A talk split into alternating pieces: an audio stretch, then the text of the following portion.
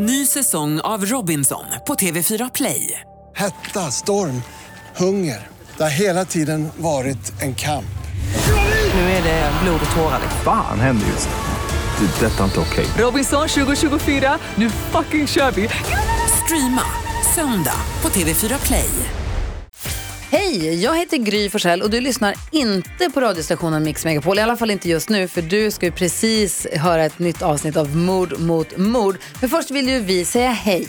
Hej, hej, det här är NyhetsJonas. Det här är Carolina Widerström. Åh, här är gullige dansken. Ja, och så Gry då, då. Det vi vill säga är att när du har lyssnat klart på den här podden, då får du gärna lyssna på våran. Vi spelar in ett nytt avsnitt varje morgon av våra podd Kvartsamtal.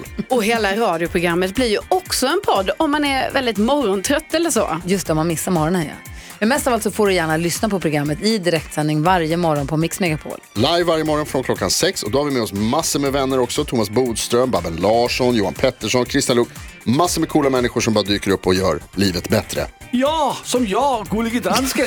Exakt så. Och så mycket bra musik och annat skoj såklart. Så vi hörs när du vaknar på Mix Megapol. Podplay.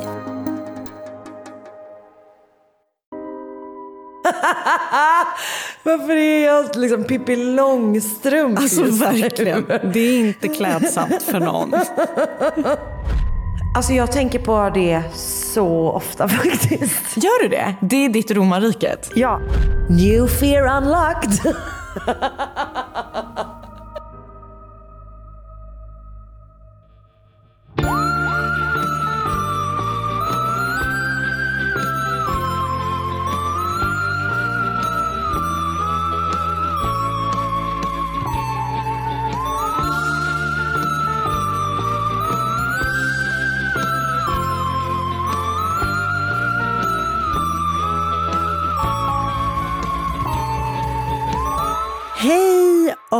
Hjärtligt välkomna till veckans avsnitt av Mord mot mord. Ah, hej, hej, hej ska ni ha. Hej på dig Karin.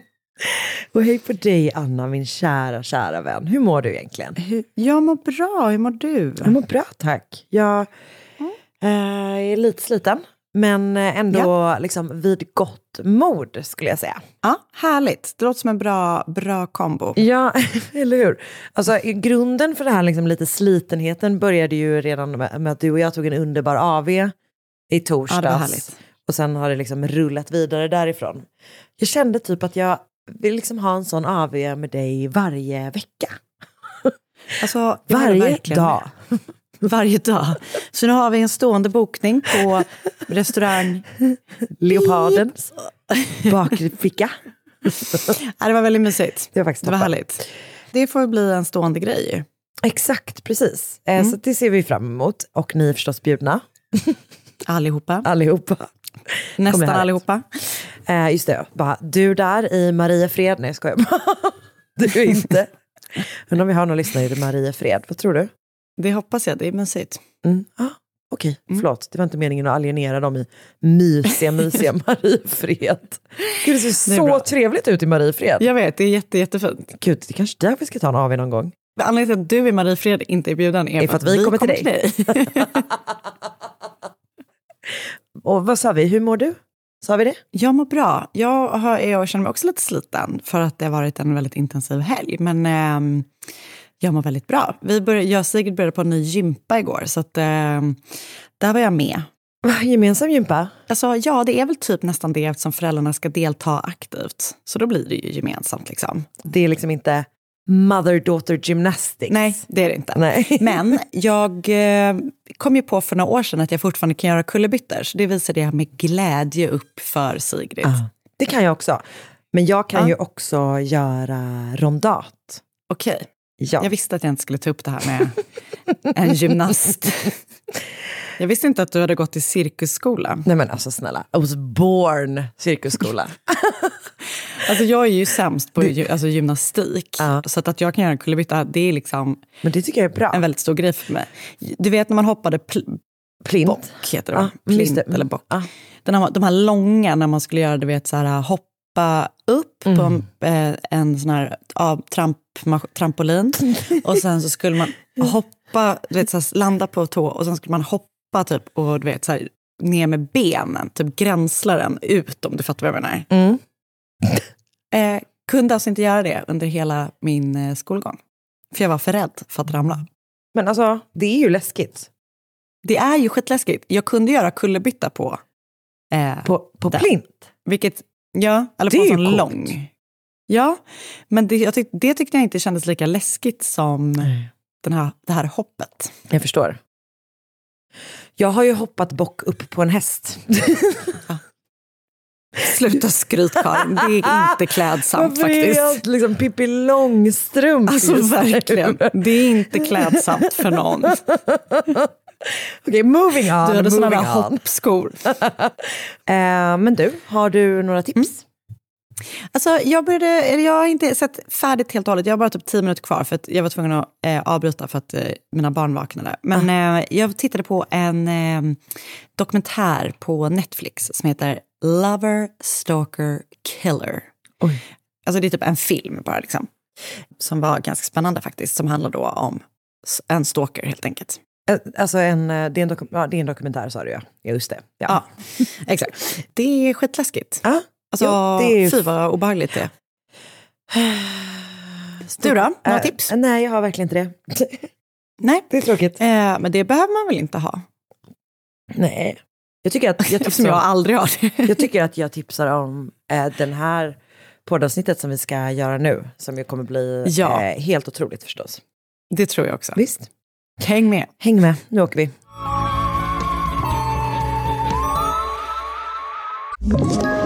Ett poddtips från Podplay. I fallen jag aldrig glömmer djupdyker Hasse Aro i arbetet bakom några av Sveriges mest uppseendeväckande brottsutredningar. Går vi in med hemlig telefonavlyssning och, och då upplever vi att vi får en total förändring av hans beteende. Vad är det som händer nu? Vem är det som läcker? Och så säger han att jag är kriminell, jag har varit kriminell i hela mitt liv men att mörda ett barn, där går min gräns. Nya säsongen av Fallen jag aldrig glömmer på Podplay. Okej Anna, nu sticker vi. Jag var ju i mitt eh, älskade Göteborg igår. Ja. Och det är faktiskt inte därför som veckans historia utspelar sig i just Göteborg, men det gör den Jaså. likväl. Så här, jag vet om att det här är inte en upplevelse som du har haft, för du har inte spelat i band i Göteborg. Det är en av de få sakerna du inte har gjort i ditt liv, eller Jag har, hur? inte, jag har inte spelat i band någonstans. Så mycket kan vi väl säga. Jo, men du ledde ju det där Lucia-tåget. Just det, just det. Mitt Lucia-band Ni gjorde en min med femåringar. Då ska jag berätta för dig att alla som har spelat i band eller typ varit musikintresserade i Göteborg mer eller mindre har liksom inte bara hört talas om klubben Q-club utan med största sannolikhet också romantiserat klubben Q-club. Det var alltså, då, som du kanske hör på namnet, en klubb som öppnade i mars 66 och liksom verkligen satte Göteborg på popmusikens världskarta, skulle man kunna säga. Mhm. Bakom klubben stod göteborgaren och redarsonen Fabian Karlsson och så styrbjörn Colliander som var en eh, handelsstudent född i Lund 1940 men som liksom för alltid kommer att vara förknippad med den göteborgska popmusikscenen. För redan från början så liksom etablerade de, de här, den här klubben som the place to be om man typ i, alltså i Sverige vill se landets och typ några av världens bästa rock och popband i liksom andra halvan av eh, 60-talet. Och in på Ja. 70-talet med. Första Q- Q-club ligger på eh, Norra Larmgatan. Det är alltså i det, en, en av de gatorna man rev när man skulle göra Nordstan. Där tvingas man stänga efter bara några månader på grund av brandrisk. Och då är klubben, alltså liksom redan då är klubben så populär att det blir kravaller. Nej, Alltså folk alltså protestkravaller. liksom. Ja, alltså de typ demonstrerar för att de ska ha rätt till Q-club och det blir liksom clashes with the police. Så, så man brukar prata om att det är liksom mods-kravaller för att de var så mods liksom. Så myndigheterna ger med sig och i december 66 öppnar Q-club i nya lokaler på Köpmansgatan 52 och där får liksom klubben sin verkliga storhetstid. Nu lämnar Fabian och Styrbjörn är ensamt ansvarig. Och där har de då två våningar. På den ena finns så jukebox och dansgolv. På den andra har man scen och bar. I baren serveras bara Coca-Cola och så. Eh, bara liksom Jaha. ingen alkohol. Läsk. Ja, exakt. Men om man är, säg, en musiker, kanske en cool manager, en kändis, kanske en musikjournalist, alltså någon in the know, om man säger. Eh, Då kan man bli insläppt i VIP-klubben i klubben, som heter Rosteriet. Där kan man få sig en öl, eller till och med, vid särskilt fina tillfällen, kanske en skvätt vodka. Och det är precis Varför vad- var det ingen alkohol? Jag vet inte. Det var väl... Ja. Alltså så här, är det inte, tror du inte att det är ett sätt att... För innan så var det ju så att man var tvungen att, att köpa mat. Så var det ju senare med. Man var ju tvungen att köpa mat med alkohol va? Ja, ma- precis. Alltså, det, Det är väl fortfarande så att man måste ha mat för att få servera alkohol? Ja, absolut. Men innan var du tvungen att beställa. Alltså typ, mina föräldrar Aha, berättar alltid, ja, okej. exakt. Mina föräldrar beställ, pratar alltid om att, det, typ, att man satt på en Kina-krog och, typ, och drack bärs och så åkte samma tallrik med vårrullar in och ut ur köket det. hela kvällen. Det Liksom. känner man igen, ja. Exakt. Mm. I det här då, rosteriet, där står en kväll i maj 67 Börje och eh, sticker hamburgare och eh, serverar i baren och bjuder då Jimi Hendrix på lite vodka. On the house. För att Jimi Hendrix är liksom i Göteborg och spelar på Konserthuset då. Och då är det det självklara stället han åker efteråt är just Q-Club. Alltså så liksom stort är det typ. Det är, ja, jag fattar. Och typ även att så här, de har en liten scen i den här VIP-klubben så att Jimi Hendrix typ går upp på scen och river av några låtar. Det gör typ även Eric Clapton när han är där vid något annat tillfälle. Du fattar. Coolt. Eh, de har också skitstora artister på sin officiella scen. Där spelar liksom några av Sveriges största band, som Tages förstås. Men också dåtidens storheter som Animals, The Yardbirds, Spencer Davis Group. Alltså liksom så här, typ några av de absolut största banden. Stones skulle ha kommit dit. Alltså du fattar. Styrbjörn Colliander är då själ och hjärta i Q-Club och hösten 69 så flyttar de igen, den här gången till en lokal på Kungstorget. Det är alltså precis vid Salhallen.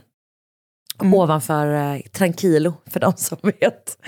Eh, på öppningskvällen spelar Deep Purple, men trots då så att han liksom har det här, och det är ganska stort det här stället, eh, men han tycker inte att det någonsin blir någon Q-Club-stämning i lokalen. Så han bestämmer sig för att byta namn och lite grann ändra inriktning.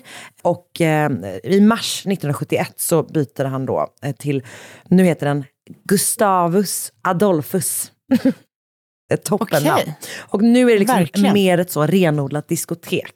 70-talet är officiellt här, helt enkelt. Exakt. Fem år senare är Gustavus Adolphus fortfarande ett populärt vattenhål för unga göteborgare. Eh, och nu verkar det som att de serverar alkohol, kan jag säga. Um, folk dricker på.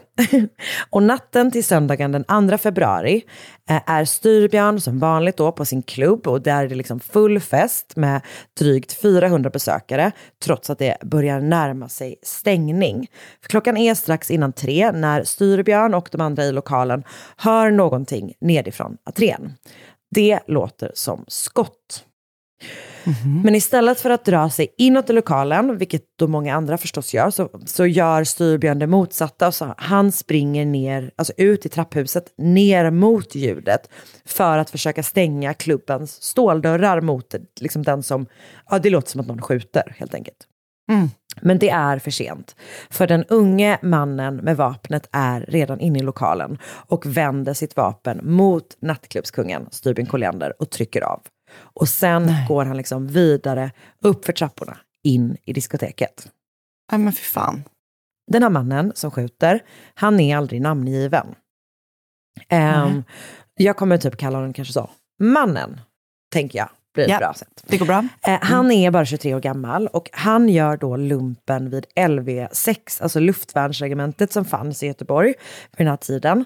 Eh, och där hade han varit i drygt fyra månader och vantrivdes. Han kände liksom inte alls att han passade in med de andra värnpliktiga och betedde sig också ganska så illa mot folk runt honom. Alltså både typ andra värnpliktiga men också mot befälen typ. Och han straffas också för sitt beteende vid flera tillfällen. Och en kort tid innan kvällen på Gustavus Adolphus så söker han vård för att bli sjukskriven och får då läkarintyg för den här mannen. Alltså han, han lider av depression helt enkelt.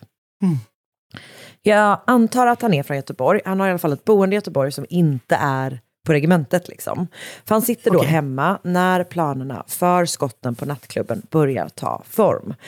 Han köper med sig lite mat och åtta mellanöl hem och så sitter han och tittar på tv typ hemma och känner att så här, han känner en enorm meningslöshet. Allt är liksom för jävligt. Och så börjar han Mm. tänka på alla de som gjort och velat honom illa och du vet han liksom kommer upp Eldar i upp varv. sig, typ. Ja, exakt. Precis så. Och han kommer då tänka på en, eh, på en annan kväll på just Gustavus Adolphus eh, ett par månader tidigare då han eh, varit ute och festat och blivit utkastad. För att han typ, jag vet inte om det är att han, har, han anses vara för full eller för att han har betett sig illa, men han har i alla fall blivit utkastad. Och han eh, har känt sig illa behandlad av både vakterna och av ägarna till klubben. Så han sitter liksom där och blir allt mer upprörd och liksom i nästa steg då så kommer han att tänka på sitt vapen som han har i skåpet på regementet. Det är en k-pist och inte nog då med att han har den i skåpet och att han också har liksom hela den i skåpet. Nu kan man, har man tydligen till, inte tillgång till typ slutsteget på något sätt. Liksom. Men Nej. vid den här tiden så har han liksom tillgång till ett fullt fungerande vapen och han har också plockat på sig patroner i hemlighet.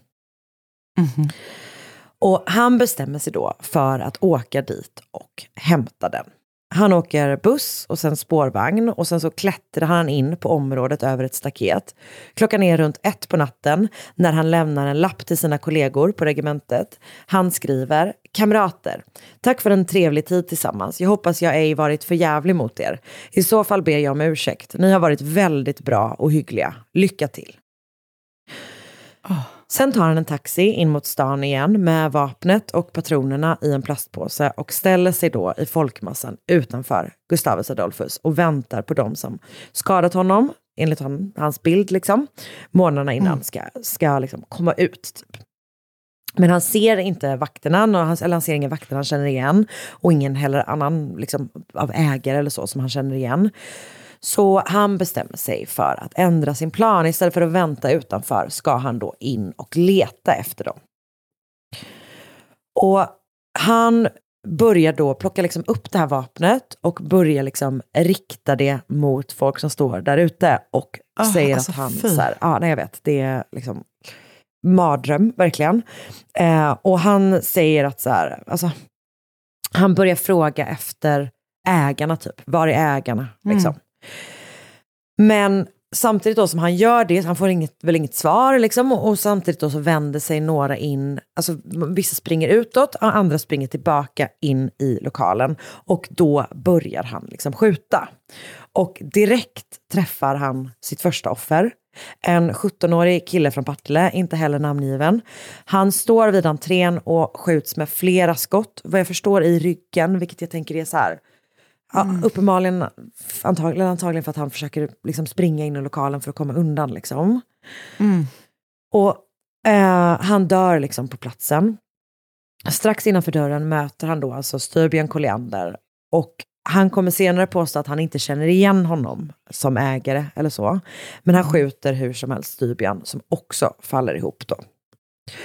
Han tar sig vidare upp för trapporna, den här mannen. Eh, han har, alltså det är liksom en kulsprutepistol som han har med sig.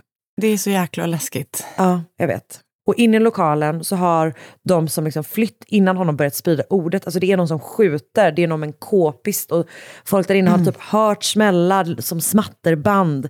Några har till och med sett människor, alltså de har typ kollat ut genom fönstren och sett människor springa därifrån. Och vissa börjar ta skydd bakom typ bardiskar och söka sig längre in i lokalen. Medan andra typ tror att det är något slags konstigt skämt. Vilket jag, det är en sån himla alltså, förståelig reaktion på något sätt. Alltså att man bara, men det här, Ja, så här kan det ju inte Man kan vara. inte greppa. Nej, exakt. Och man typ är lite packad och klockan är typ tre. Alltså, du vet. Mm. Eh, det känns, måste bara kännas så jävla, jävla overkligt liksom. Verkligen. Trots att han, den här mannen då kommer in och riktar vapnet mot den så finns det folk som fortfarande typ tror att det är något slags sjukt skämt. Liksom. Och några är så här, lägg av typ. Andra är så här, du har väl lösa skott i det där typ. Och som svar på den liksom, de kommentarerna så riktar han vapnet, alltså först skjuter han mot inredning som liksom splittras under kulorna. Och sen så Mm. vänder han vapnet mot en ung man som sitter och sover vid ett bord och skjuter honom i axeln. Liksom. Men gud. Och nu förstår ju förstås alla liksom att det är allvar och han börjar typ, ja, skjuta omkring sig. Liksom. I, du vet, I bardisken, i det är flera av besökarna som träffas. Han skjuter sin liksom, kulsprutpistol inne i den här lokalen med 400 nattklubbsbesökare. På dansgolvet står några besökare kvar och trots att eh, den här mannen riktar vapnet mot dem så är de några som liksom bestämmer sig för att stanna kvar. En ung man, han liksom försöker övermanna skytten och kasta sig över honom. Och samtidigt som de börjat brottas liksom, så får en annan besökare tag i vapnet. Liksom. Så det är besökarna själva som avväpnar honom liksom, inne på dansgolvet. Typ. Och utanför då, på Kungstorget så har polisen redan anlänt och han kan gripas på platsen. Samtidigt förs Styrbjörn Colliander till sjukhus, men han går inte att rädda utan dör av sina skador timmar senare. Ytterligare fem personer har skadats under skottlossningen och han har då avlossat 33 skott inne på den här nattklubben. Det är ju verkligen, verkligen bara liksom någon slags tur att ingen annan har dött. Typ. Mm. Mm. Rättegången hålls bara några månader senare och Peter döms, men varken för mord eller mordförsök, utan rätten menar att man inte kunnat bevisa att han, hade, att han, liksom, att han har haft uppsåt att döda. Okay. Istället döms han för två fall av grovt vållande till annans död och fem fall av grov misshandel. Och hans mående och typ mognadsgrad vägs då in i liksom det här beslutet. Han döms till sju års fängelse, sitter hälften av den tiden och eh, befäl på regementet där han låg eh, anmäldes också för tjänstefel i samband med händelserna. Alltså, jag tror att det typ handlar om så här, hur kunde han få tag på de här pat- patronerna typ. Eh, Mm. borde man, alltså du vet den typen av frågor. Eh, jag, det är lite oklart vad som hände med det, men jag, jag vet i alla fall att, att liksom, det var några som, som utreddes för det. Och som sagt, vad jag förstått då så har man efter detta liksom inte samma tillgång till det här slutstycket typ, på något sätt. Ehm, och Styrbjörn Colliander är och liksom förblir en legendar i Göteborg. Och några av de killar som jobbade med honom, för att han hade liksom, var, han var liksom en, han var en väldigt omtyckt chef typ. Så att du vet Mm. att han så här, de jobbade på hans klubbar och sen typ körde han hem alla, alltså sådär. Det var liksom som Han var en ett- bra person. Ja, exakt. Det är verkligen, verkligen så som han, han beskrivs. Och några av de här då, de har eh, klubben Q Club Forever. Som är liksom en organisation som Mhm. regelbundet typ firar Styrbjörn och Q-Clubs eh, stora era typ. Så 2016 firade de då Q-Clubs 50-årsjubileum med stor fest på Pustervik i Göteborg. Ehm, jag har läst en GT-artikel av Daniel Olsson som är liksom jättebra, omfattande och mycket så här vittnesmål och, och, och från folk som var där och sådär. Den har rubriken Glädjen på dansstället förbyttes till skräck. Jag har läst eh, artiklar om skotten på Gustavus Adolphus och Q-Club på gamlagöteborg.se och på Wikipedia. Verkligen. Jag läste en GP-artikel av Johanna Wiman med rubriken Q-Club fyller 50 år, länge lever popklubben. Och förstås också lite på Flashback där de har liksom lite olika tidningsartiklar som de har postat. Och om man känner igen det här så kan man också ha sett det liksom i Peter Birro-serien Upp till kamp som utspelar sig, som till väldigt Mhm. stor del liksom utspelar sig i det här Göteborg, liksom, på Q-Club och det är band Göteborg och du vet sådär liksom. Ah, okay. Så att det här var alltså skotten på Gustavus Adolphus som ju känns lite grann som någon slags, du vet, för, liksom tidigare som de här Stureplansskotten eller du vet. Alltså liksom den här typen av våld i, i liksom krogmiljö. Eh, är så som läskigt. är verkligen fruktansvärt sorgligt, verkligen. Ehm, ja, Usch, det var aldrig det. hört talas om. Tack Nej. Karin. Det, och det tycker Det jag är liksom, sorgligt. ja, det där är också, alltså som liksom svensk true crime-intresserad så blir man alltid så chockad tycker jag. Och jag då som också liksom är från Göteborg och så jag har haft någon, någon slags litet vagt minne av det här, men, men just men liksom med magnituden typ, att det känns så sjukt att man Mm. inte, att det här inte är mer allmän kunskap typ. Ja. Nej. Det var det jag hade den här veckan. Tack så mycket Karin. Tack ska du ha.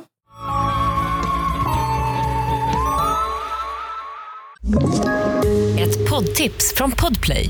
I fallen jag aldrig glömmer djupdyker Hasse Aro i arbetet bakom några av Sveriges mest uppseendeväckande brottsutredningar.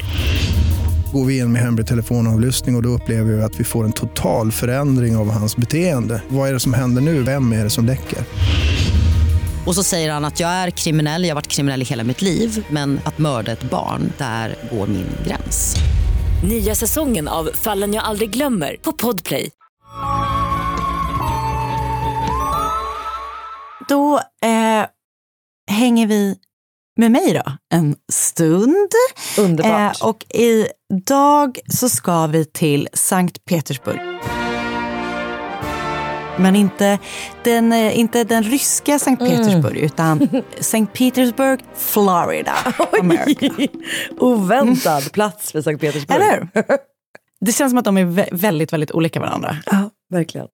Jag har inte varit på någon av platserna. Jag kan bara, min, eh, bara min känsla säger att Sankt Petersburg, Ryssland, Sankt Petersburg, Florida delar inte mycket mer än namnet. Namnet. Nej. Så en morgon den 2 juli 1951 skulle en kvinna vid namn Pansy Carpenter som var hyresvärd i ett komplex gå till en av sina hyresgäster för att överlämna typ ett, ett brev eller eh, något sånt som har kommit till Pansy. Eh, Pansy går då till den 67 år gamla Mary Reeser som bodde i en av hennes lägenheter. Eh, hon knackar på, men Mary öppnade inte dörren. Så då tänker Pansy så här, jag får nog gå in och kolla till så att liksom allting står rätt till här. Så när hon tar tag i eh, dörrhandtaget så är hon bara så här, det står nog inte rätt till här inne. Dörrhandtag, eh, alltså för dörrhandtaget är då skitvarmt. Ja. Man kan inte liksom ta i det ens. Så hon bestämmer sig för att kontakta polisen eh, och liksom kalla på hjälp. Polisen kommer dit och eventuellt så har Pansy redan kommit in i lägenheten med hjälp av andra grannar eller folk i närheten. Men det de i alla fall får se eh, när de kliver in i Mary Reesers hem är en otroligt konstig och hemsk syn. För Mary har bott i liksom en ganska liten lägenhet. Det verkar som att hon har typ haft Alltså det är typ en etta. Så hon har haft liksom säng, eh, vardagsrumsdel och kök i ett. Liksom. Ja. Så att, eh, hon har då haft en fåtölj i sitt vardagsrum och när polisen kommer in då så ser de att det finns ingenting kvar av den här fåtöljen förutom lite aska och sot tillsammans med Eh, liksom i, vid den här fåtöljen då, i den här, eller det som är kvar av fåtöljen, hittar de också Marys ena fot, Marys ryggrad och hennes skalle. Huh. Mm. Okej. Ja. Marys vänsterfot då, som var den som fanns kvar, hade fortfarande hennes toffla kvar på foten. Och skallbenet, eller skallen som fanns kvar, är liksom bara själva skelettet. Och det har också krympt. Eh, själva kraniet då liksom. Mm. Så att det, det beskrivs som att eh, kraniet är liksom inte större än typ en tekopp. Okej. Mm. Skitkonstigt. Det har liksom varit, alltså allting är bränt. Det har varit en så otroligt kraftig brand med en sån otrolig eh, liksom hetta som har fått då hela Mary och hela stolen att bara försvinna. De har liksom blivit kremerade. Det som är väldigt, väldigt konstigt är att inget annat i Marys hem har blivit skadat av elden. Det är några saker i närheten, typ det är någon lampknapp som är precis i närheten som är i plast, som har smält lite grann. Det är något ljus som har smält. eh, som är precis i närheten. Och eh, taket och liksom övre delen av väggarna är också täckta av sot. Men ingenting annat är brandpåverkat. Så typ Marys säng som är bäddat med vita lakan är helt orörd. Liksom, det är inte något sot, det är ingen brand, ingenting på den. Mattan som är under stolen är såklart också brandskadad, men inte liksom mattan runt omkring. Okay. Skitkonstigt. Och det här gör ju alla helt häpna och du vet bara, vad fan som pågår? har hänt här? Mm. Och polisen i Sankt Petersburg är då helt handfallna. De vet liksom inte ens var de ska börja någonstans med den här utredningen. Så en månad efter att Mary har dött så kallar de in FBI. Och det som FBI och liksom polisen innan har, liksom kan konstatera är att kvällen innan Mary eh, avled så har hennes son, Dr. Richard Reeser Jr, varit hemma då hos sin mamma.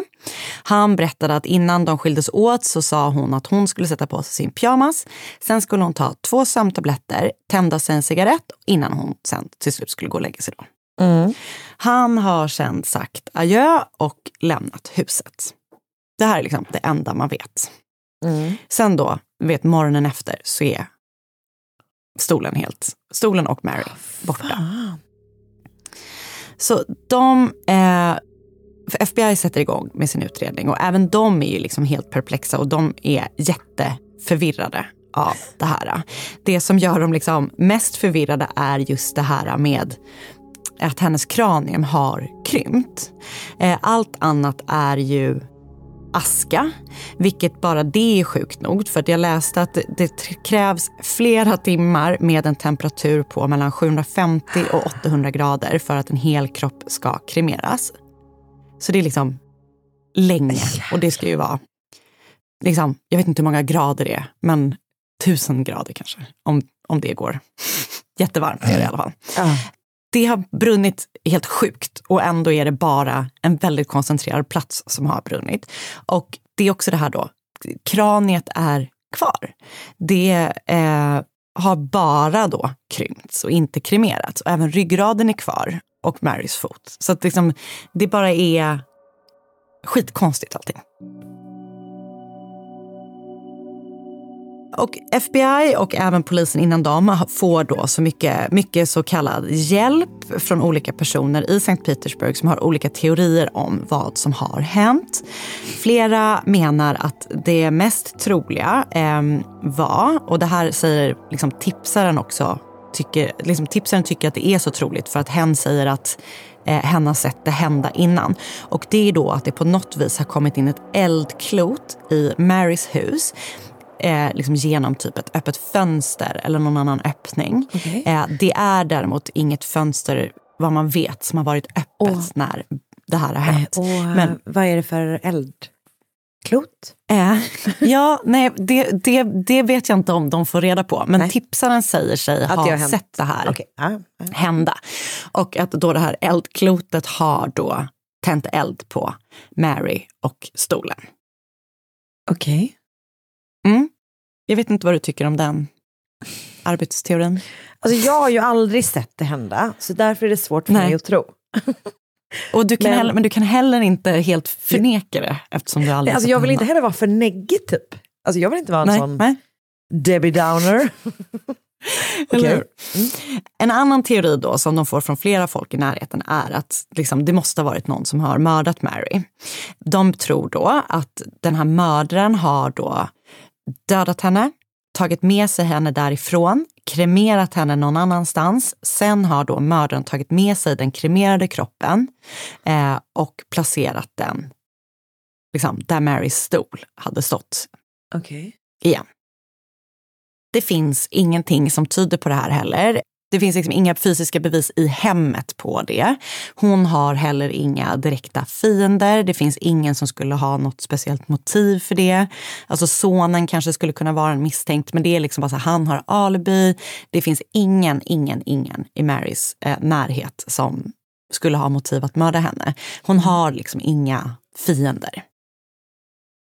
Så att det verkar inte så troligt heller en annan teori som presenterades och som jag blev, eh, liksom, i brist på ett bättre ord, väldigt förtjust i eh, är teorin om spontaneous human combustion. Japp.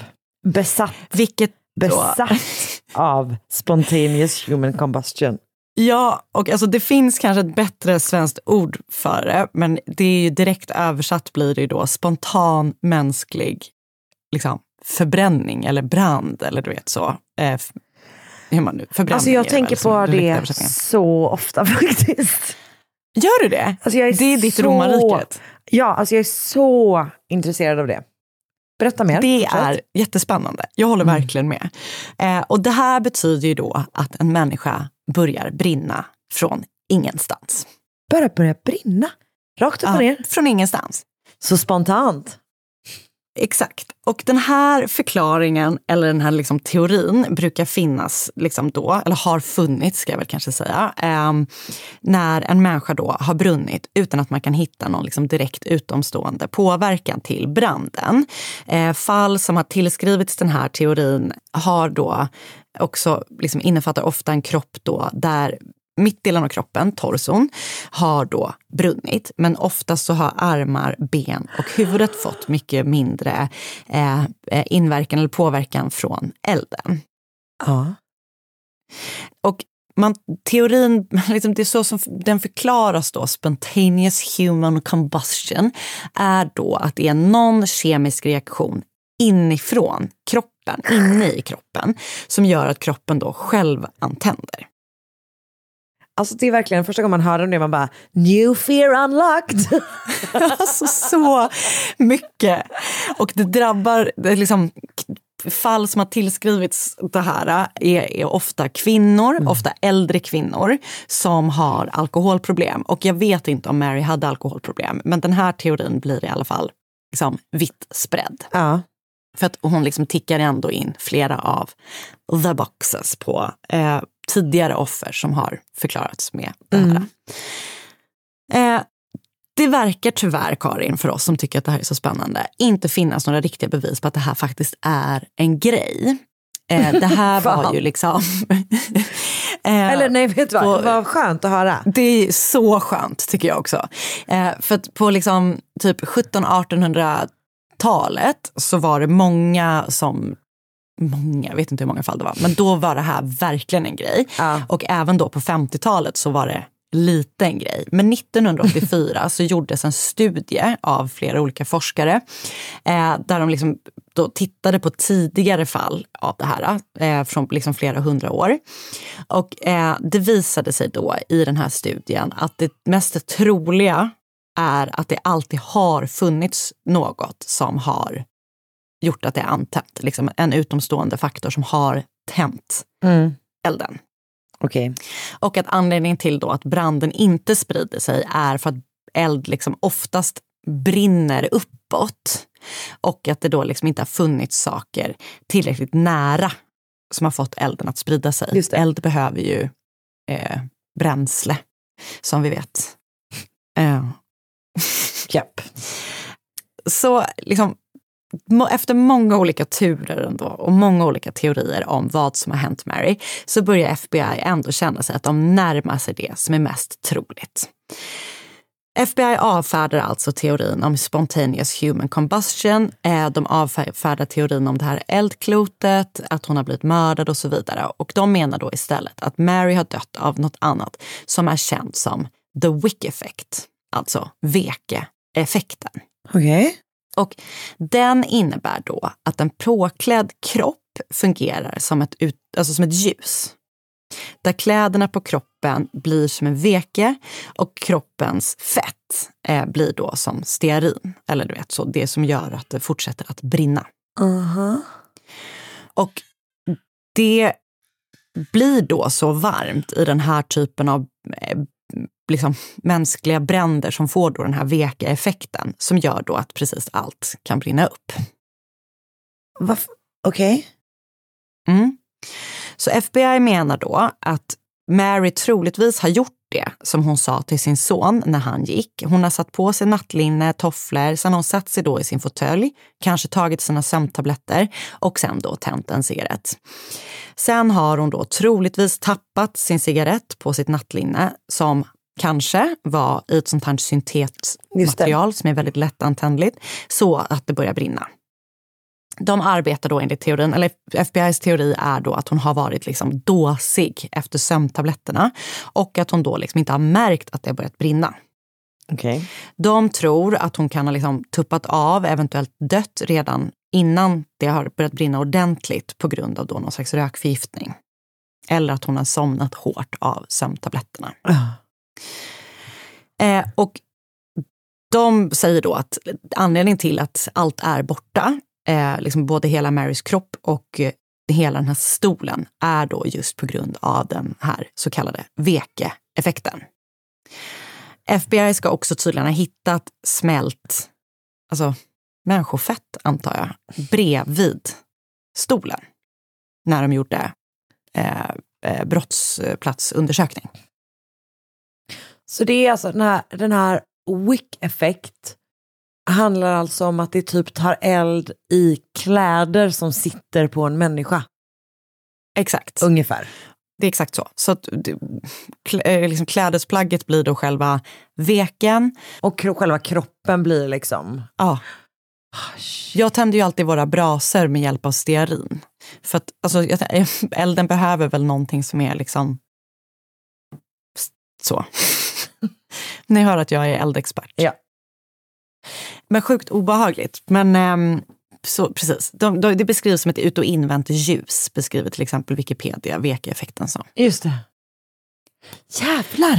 Marys son och hans fru tyckte att det här lät som en rimlig förklaring eftersom Mary verkligen var en stor rökare. Liksom.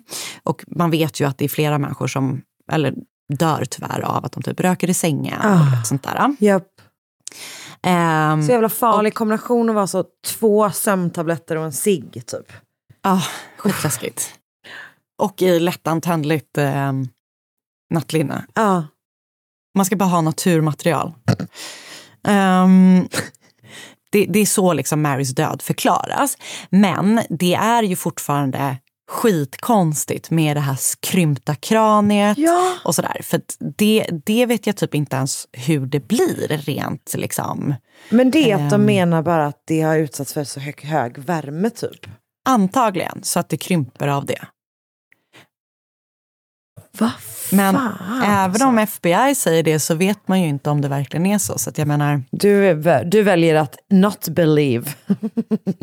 Nej men det, det är ju någonting som är sjukt läskigt och också lite spännande med tanken om spontaneous human combustion. Men jag tror att mm. du vet Gabriel Kish som mördades av sin eh, fru Maria Kish. Kommer du ihåg? Mm. Hon, det är liksom, hon är en, en, liksom en styckmörderska typ. Ja, ja, ja, ja, ja, ja, ja, jag minns. Hon lägger ju hans huvud i ugnen. Just det. Och om jag inte minns fel så blir det också just att det är litet. Liksom. Alltså att det Ja. krymper av det. Liksom. Och det gör väl det Ja. då säkert. Men det är det som är så konstigt, att allt annat blev så förstört. Och så är det liksom, jag vet inte, jag tycker bara att det är så... Alltså du vet att det var sån kraftig eld Ah. så att... ehm, Och att det ändå inte allt- tog sig, allt, allt. spred sig. nej, Det är också helt jävla galet. ah, visst är det sjukt? Huh. Vad hette hon Ja. sa du? Mary Reeser. Stackars hennes familj också. Ja, så jäkla sorgligt. Ja, alltså sån chock ju. Fy fan. Mm.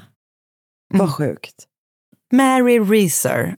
Och eh, hon kallades för, det här, eller det här fallet kallas för The Cinder Woman. Alltså ask. Ah. Eh, Cinderella, Cinder Woman. Ah. Askkvinnan. Jag fattar. Jag fattar. Jag fattar.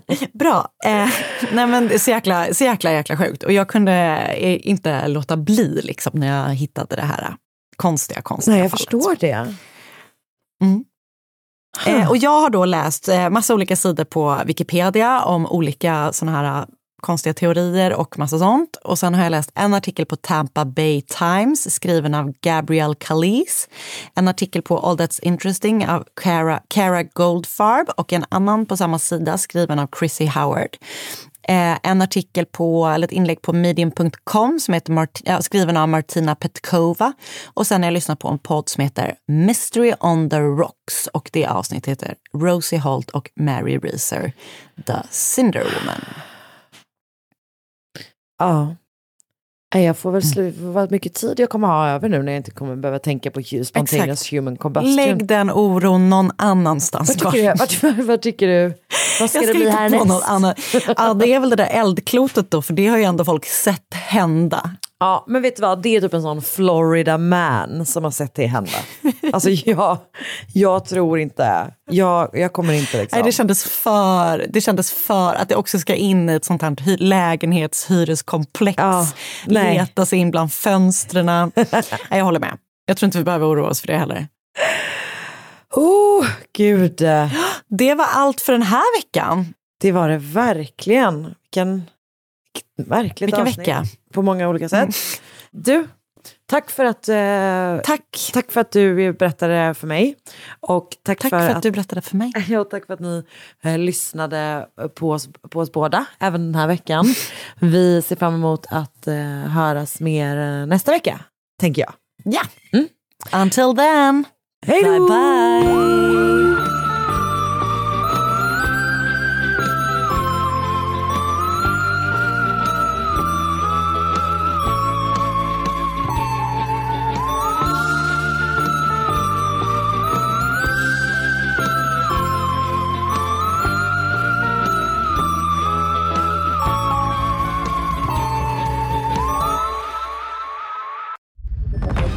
Podplay, en del av Power Media.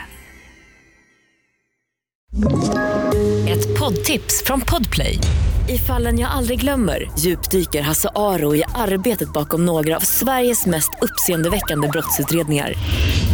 Går vi in med hemlig telefonavlyssning och, och då upplever vi att vi får en total förändring av hans beteende. Vad är det som händer nu? Vem är det som läcker?